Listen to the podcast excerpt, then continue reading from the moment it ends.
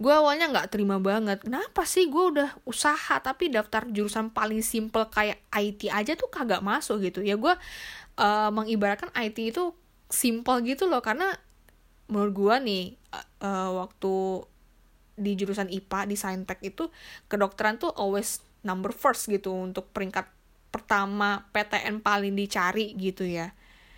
Tapi ternyata di tahun gue waktu lulus dan mau masuk kuliah itu pas gue SBMPTN itu ternyata teknik informatika tuh nomor satu gitu. Jadi gue masih menganggap kalau jurusan IT itu adalah jurusan yang paling simple gitu loh. Kenapa sih jurusan paling simple kayak IT aja tuh gue kan nggak masuk gitu? Apa gue segoblok itu ya sampai gue tuh nggak masuk PTN yang ada jurusan IT-nya gitu? Malah justru temen gue yang nggak niat masuk univ negeri malah masuk coy nah gimana gue nggak tambah sakit hati ya kan?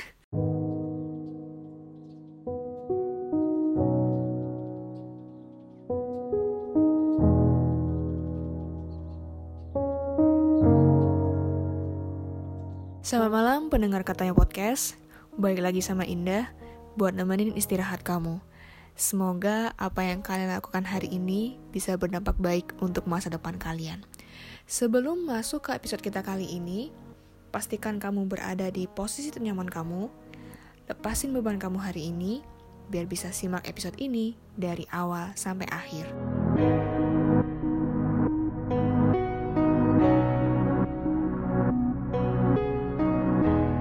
Gue udah lama banget pengen bahas topik ini cuma karena laptop kemarin-kemarin tuh masih dipakai hal yang lain dan guanya belum bisa bagi waktu ya jadinya gue baru bisa bahas uh, seputar dalam tanda kutip fenomena uh, yang terjadi di tiap tahun ya.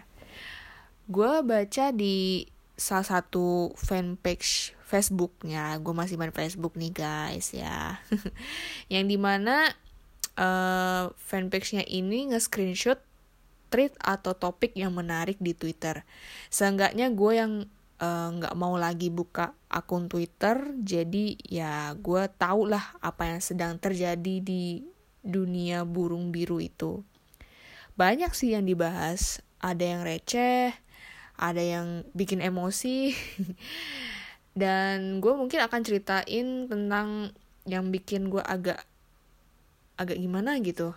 Nah salah satunya ini tentang kejadian gagal masuk universitas negeri nah ada seorang penulis nih yang di mana dia ini terkenal banget di jagat dunia maya.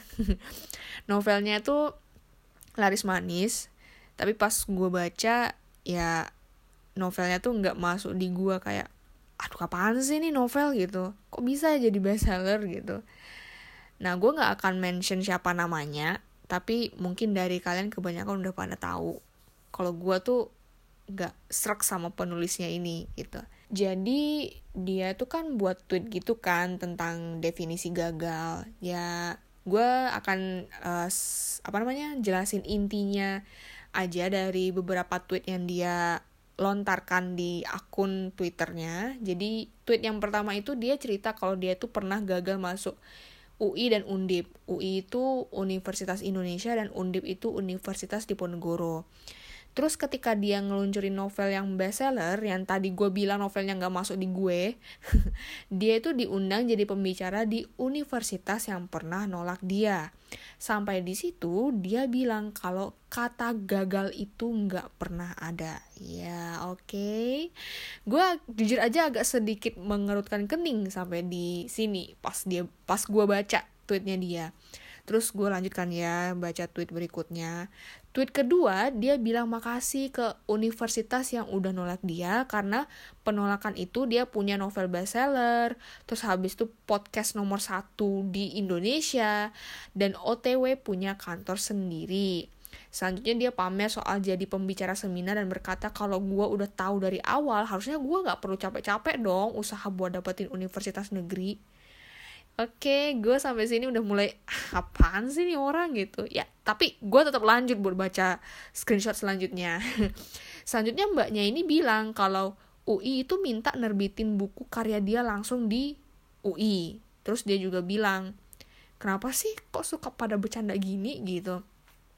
lalu ada yang bales kalau hal tersebut itu uh, pamer berkedok ditolak PTN habis itu dibales nih sama mbaknya mumpung bisa pamer ya jadi pamer aja. Soalnya zaman dulu nggak ada yang bisa dipamerin. Terus dia nge-tweet lagi kalau uh, dia lagi persiapan kantor barunya sambil ngepost foto kantornya yang lagi OTW di chat gitu ada kaleng-kaleng chat di situ.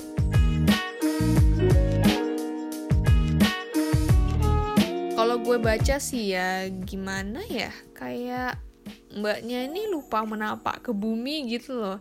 Jadi gue ngebayangin dia pas nge-tweet ini ya gue ngebayangin ya imajinasi gue udah ke mana-mana nih. Kayak pas dia nge-tweet kayak gini tuh dia lagi terbang bebas ke angkasa sampai dia tuh lupa menapak ke bumi gitu.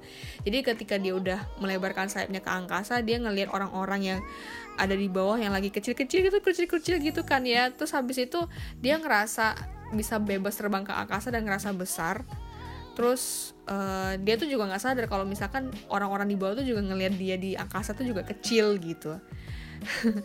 Beberapa orang sih mungkin bilangnya itu motivasi. Jadi banyak orang sih yang bilang itu motivasi motivasi. Ya itu sih menurut kebanyakan orang dan mbaknya sendiri. Walaupun pas gue baca bahasanya tuh agak cringe gimana gitu dan sengak gitu loh. Tahu sengak nggak sih? Gue juga susah nih kalau ngejelasin sengak itu apa gitu tapi mudah-mudahan kalian ngerti ya arti kata sengak itu ya. Itu mungkin penyampaian versinya memang seperti itu dari dulu. Tapi kalau gue sendiri ya ya kurang masuk sih kalau itu dikategorikan sebagai motivasi gitu. Sorry sorry nih ya sorry banget nih gitu. Kalau kalian tahu orangnya sorry banget kalau kalian ngefans ah kalau kalian tuh adalah salah satu fans dari dia gitu. Sorry nih oke okay kita skip masalah mbaknya yang lupa menapak ke bumi dan semoga mbaknya ingat kalau dia tuh harus napak ke bumi dan jangan lama kelamaan di apa tuh jangan kelamaan melayang di angkasa. Gue akan bahas soal kenapa sih kebanyakan orang obsesi masuk PTN gitu. Oke, gue akan cerita ya uh, menurut versi gue dan pengalaman gue. Gue itu adalah orang yang pernah obses banget buat masuk PTN nggak tanggung-tanggung coy. Maunya tuh PTN kedokteran. Padahal otak gue tuh ogah banget nerima rumus fisika dan kimia. Ya karena itu juga gue bela-belain masuk jurusan IPA biar bisa daftar PTN kedokteran. Nah mulai dari SNMPTN sampai SB, SBMPTN tuh gue coba yang pertama itu selain gue ngajuin diri masuk ke kedokteran UNS, UNS itu for your information itu Universitas Negeri 11 Maret Surakarta. Gila cuy, gue kalau milih suatu tuh emang gak main-main cuy. Asal pede aja gitu daftar kedokteran UNS. Kocak banget emang gue dulu. Nah, gue juga daftar di Universitas Udayana jurusan Teknik Informatika. Karena itu uh, plan B gue kalau nggak masuk ke dokteran ya minimal aku masuk IT-nya dah. Ternyata nggak lolos karena kita tahu sendiri kalau SNMPTN itu uh, kalau kita masuk uh, misalkan kita dari uh, eh, SMA negeri itu juga belum tentu masuk gitu loh. Apalagi yang SMA swasta yang akreditasinya itu sangat rendah. Bukan sangat rendah sih rendah gitu ya. Jadi ya untuk lolos SNMPTN itu sangat sangat kecil dan mungkin hanya 0,01 persen gitu jadi ya SNMPTN gue nggak berharap terlalu banyak. Terus gue coba SBMPTN karena itu harapan gue terakhir karena gue nggak diizinin bokap nyokap buat jalur mandiri. Katanya sih jalur mandiri itu lebih mahal ya. Sampai sekarang apakah demikian? Coba kalian uh, kasih tahu gue ya apakah jalur mandiri itu memang dari awal itu udah bener-bener mahal sampai detik ini Nah, gue belajar tuh sampai privat sama guru biologi, guru fisika, guru kimia, itu pun mereka tuh ngasih secara gratis tuh. Gue emang kasih banget sama mereka tuh udah pengorbanannya tuh luar biasa banget. Jadi gue kalau misalkan punya penghargaan uh, sekelas Nobel tuh gue ngasih ke mereka aja kali ya. sampai uh, gue beli buku SBMPTN di toko buku yang tebel itu, yang tebelnya kayak kamus itu ya. Gue jejelin ke otak gitu ya buat gue belajar siang malam gitu kan ya buat nebak-nebak tes potensi akademik dan segala macem dan soal-soal yang nggak gue ngerti gitu ya. Tapi ya gue harus nelan kecewa yang lebih parah lagi karena gue nggak lolos.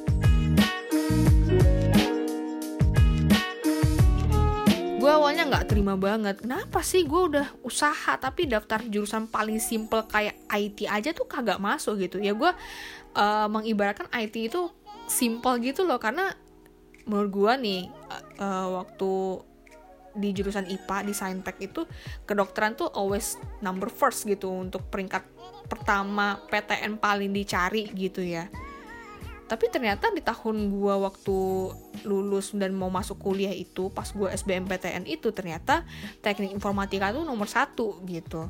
Jadi gue masih menganggap kalau jurusan IT itu adalah jurusan yang paling simple gitu loh. Kenapa sih jurusan paling simple kayak IT aja tuh gue kagak masuk gitu? Apa gue segoblok itu ya sampai gue tuh nggak masuk PTN yang ada jurusan IT-nya gitu? Malah justru temen gue yang nggak niat masuk univ negeri malah masuk coy. Nah gimana gue nggak tambah sakit hati ya kan?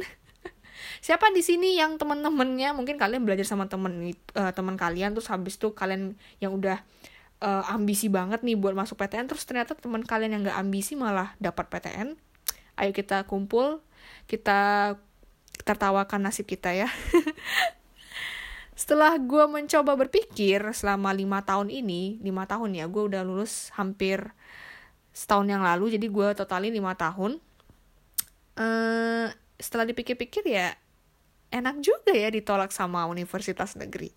Loh, kok bisa enak dah? Nah, ngeliat banyak screenshot tweet bertebaran di IG yang bernada kecewa parah karena ditolak UTBK, kalau bahasanya sekarang UTBK ya gue di sini pakai bahasa zaman gue aja ya yaitu SBMPTN udah belajar sampai larut malam terus doanya dikencengin sampai sujud itu doa. Di sepertiga malam juga doa. Sampai nulis tweet atau display name. Semangat UI Bismillah UGM sukses UTBK eh apa? UTBK Undip. Dan lain sebagainya sebagai motivasi kita. Mungkin ada yang sampai buat ini kali apa namanya kayak pengikat kepala gitu. Semangat UI semangat ITB apalagi lah pokoknya itu. Pokoknya menuliskan nama universitas yang di uh, diambisikan banget gitu gue lupa sih apa gue pernah nulis tweet di Twitter kayak gitu apa enggak. Yang jelas gue juga pernah di posisi obses banget buat dapet PTN karena bagi gue waktu itu kayaknya keren gitu ya masuk PTN kayak ningkatin derajat lo di mata teman-teman lo kalau lo masuk PTN gitu. Ini lo gue gue masuk PTN cuy. Kedokteran cuy. Keren kan cuy? Gitu kan ya. Apalagi nilai plusnya itu lo bisa masuk kedokteran negeri kan kayak wah gimana? Gitu kan. Nah nanti kan orang uh, orang-orang sekitar pada bilang gitu gila si itu masuk ke dokteran UNS Universitas Negeri 11 Maret Surakarta. Gue tau banget sih dia itu belajar buku tebel-tebel gitu lima hari kagak tidur biar bisa masuk PTN gitu ya orang-orang bilang gue imajinasinya udah kayak gitu tuh. Kan kece gitu ya kalau gue uh, saat itu gue masih pikiran anak SMA sih. Ya keren banget gitu ya. Maunya pamer aja terus sampai dapat pengakuan gitu kan. Nah setelah gue telah lagi dari situ gue sadar kalau niat gue sedari awal buat masuk PTN itu aja udah keliru gitu. Niat awal gue tuh karena satu gengsi. Nah satu kata aja gengsi. Pengen dilihat high class banget gue masuk negeri buat pamer doang. Itu yang uh, membuat gue nggak direstuin masuk PTN sama sama Tuhan sama alam jagat raya.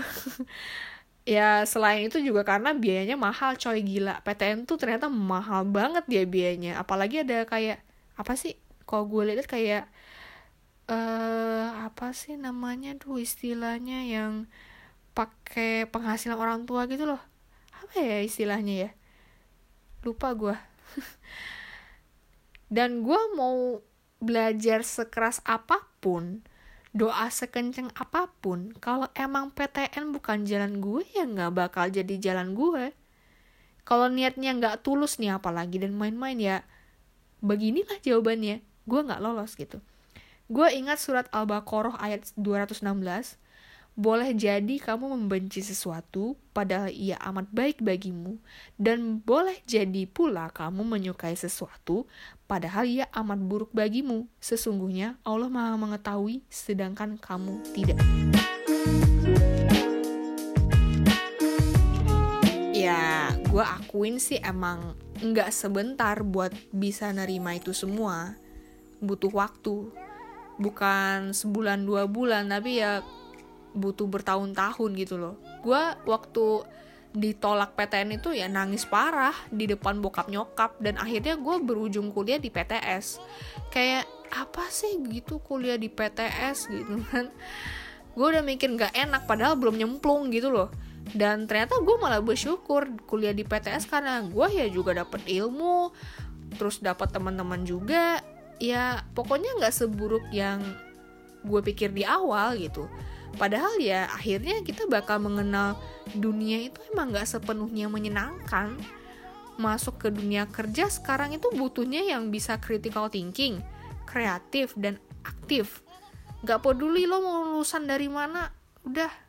Bos gue udah bilang gitu, kita tuh gak butuh orang yang pintar, kita tuh butuh orang yang mau belajar gitu loh katanya. Gue juga butuh waktu lima tahun buat sadar kalau PTN ya bukan sesuatu yang high banget lah yang bukan ya bukan kayak misalkan PTN itu ya bukan suatu hal yang bisa menyelamatkan masa depan lo gitu loh. Gak tentu mau PTN lo sebagus apa kalau lo awut-awutan lo urakan sama aja bohong gitu kan. Yang bisa ningkatin kualitas diri lo ya pembawaan diri lo. Cara lo bersikap kayak gimana. Ya kan? Ditolak PTN ya bukan akhir segalanya sih dan lo tetap manusia yang masih ada jalan panjang kehidupan. Mau PTS atau PTN, toh akhirnya juga bakal buat skripsi gitu loh. tetap bakal buat skripsi, skripsi itu susah men gitu. Bakal ngerasain susahnya buat skripsi juga. Bakal ngerasain ngejar-ngejar dosen pembimbing itu luar biasa sampai ada yang nangis-nangis karena takut salah bersikap sama dosen pembimbing ya kan kita bakal ngerasain itu bagi teman-teman yang memutuskan untuk kuliah di PTS gitu loh. Mungkin lo yang ditolak PTN kemarin gue yakin lo uh, lo semua belum bisa nemu jawaban kenapa lo ditolak PTN ya kayak kata buku NKCTHI nggak harus ada jawabannya sekarang. Lo kalau mau sedih ya sedih aja tapi jangan lama-lama gue saranin jangan lama-lama. Tapi kalau itu PTN eh UTBK kemarin pengumumannya Agustus ya. Ini udah September tapi kalau masih sedih sampai sekarang keterlaluan sih kayaknya. Tapi ya nggak apa-apa karena kadar sedih orang kan beda-beda. Jadi ya gue mau ingetin ya sedihnya jangan lama-lama. Kalau lo mau ngulang tahun depan silahkan mau lanjut PTS tapi dengan jurusan yang pernah lo targetin silahkan. Mau coba peruntungan beasiswa luar negeri silahkan. Siapa tahu kalian yang awalnya nggak lolos PTN di Indonesia tapi kalian malah uh, lolos di uh, universitas bergengsi di luar negeri kan keren kan ya? Oke banget gitu gitu. Itu pilihan lo semua keputusan lo semua dan gue ingetin banget kalau lu udah dapetin apa yang lo mau dan itu udah sesuai dengan harapan lo lo nggak usah ungkit-ungkit yang lama dan nggak usah ngehina proses lo yang kemarin-kemarin. Ya kayak mbaknya tadi dia seolah-olah kayak udah ngehina prosesnya kemarin udah gagal diungkit lagi sampai detik ini. Gue nggak tahu mungkin itu cara motivasi orang lain yang penggemarnya lainnya gue ingetin barusan kalau lu udah dapetin apa yang lo mau udah nggak usah ngehina proses lo yang kemarin-kemarin yang gagal tuh nggak usah dihina-hina karena itu kan bagian dari proses kehidupan lo ya. Jalani aja apa yang di depan lo saat ini. Sepertinya untuk episode kali ini Aku ucapkan sampai di sini. Makasih semuanya yang udah dengerin episode ini dari awal sampai akhir. Bagi kalian yang mau ngasih saran, enaknya next episode kita mau bahas apa? Atau kalian mungkin punya cerita yang menarik, bisa uh, lewat DM Instagram pribadi aku at indahhidayati atau at katanya.podcast atau bisa juga lewat email di katanyapodcast2 at gmail.com Jangan lupa follow Instagramnya, dengarkan setiap episodenya, subscribe channel YouTube-nya, dan aktifkan notifikasinya biar kalian tidak ketinggalan episode Katanya Podcast. Aku pamit undur diri, terima kasih, selamat mimpi indah.